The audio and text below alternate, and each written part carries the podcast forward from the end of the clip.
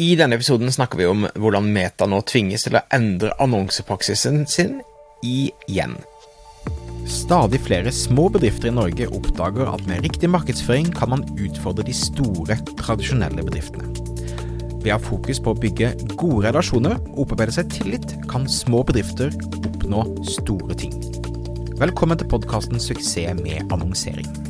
I denne podkasten kommer vi med ukentlige råd, tips og strategier som du kan implementere i din bedrift. Mitt navn er Thomas Moen fra Moen Co. Vi er et mediebyrå som hjelper små nettbutikker å vokse raskere. Om du er helt ny på annonsering, kan du komme i gang gratis ved å gå til moen.no start for vår gratis startpakke. Ok, kjenner at jeg er frustrert og begynner nesten å bli lei av å snakke om dette, men det kommer store endringer igjen ser det ut som, i forhold til hvordan eh, Meta kan trekke annonser.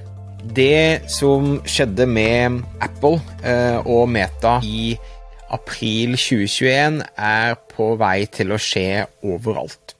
Eh, la meg forklare. Så det har kommet et, et nytt GDPR-vedtak i, i forhold til EUs personvernlov fra det irske Datatilsynet.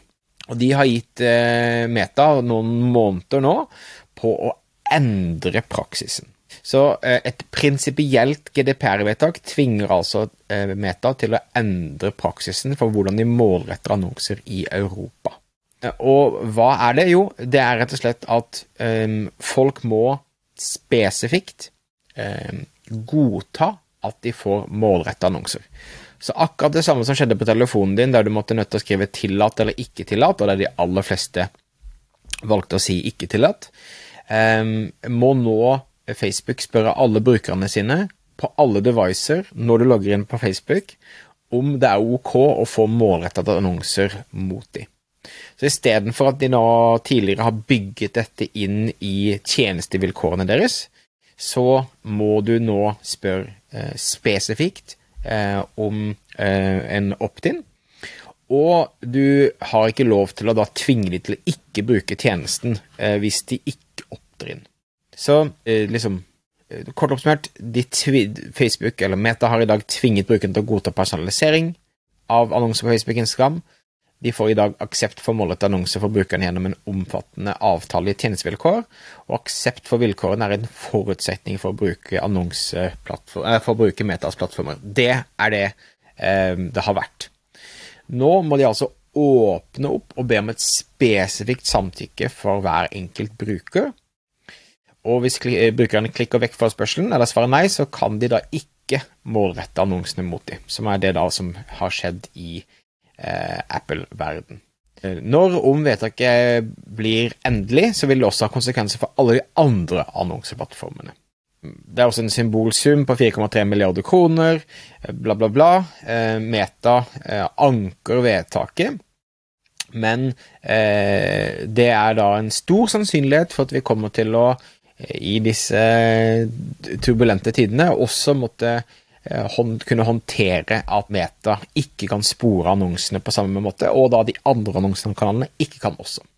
Det som jeg vil nevne eh, helt til slutt, er jo at Meta har jo blitt mye flinkere nå til å hva skal jeg si, gjette seg til konvertering. Altså de er blitt flinkere til å håndtere begrenset mengde data de får fra bl.a. Apple.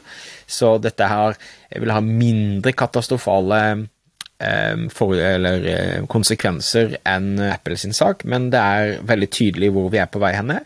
Eh, og det er veldig tydelig at ikke dette er positivt for oss som, som annonsører. Så jeg kommer selvfølgelig til å holde dere oppdaterte på dette, men nå har altså der Meta har fått to måneder da på å eh, Altså det vil si i slutten av mars må de nødt til å innføre disse endringene. Meta har anket, det er en dialog fram og tilbake, og så får vi se hvor vi ender opp henne, men det er realiteten som den er i dag. Så sorry to be the bother, eller the bringer of bad news. Eh, husk at du kan abonnere på denne podkasten for å få med deg fremtidige episoder. Mitt navn er Thomas Moen, tusen takk for at du lytta på, og vi høres neste uke for en ny episode av Suksess med annonsering. Ha det fint.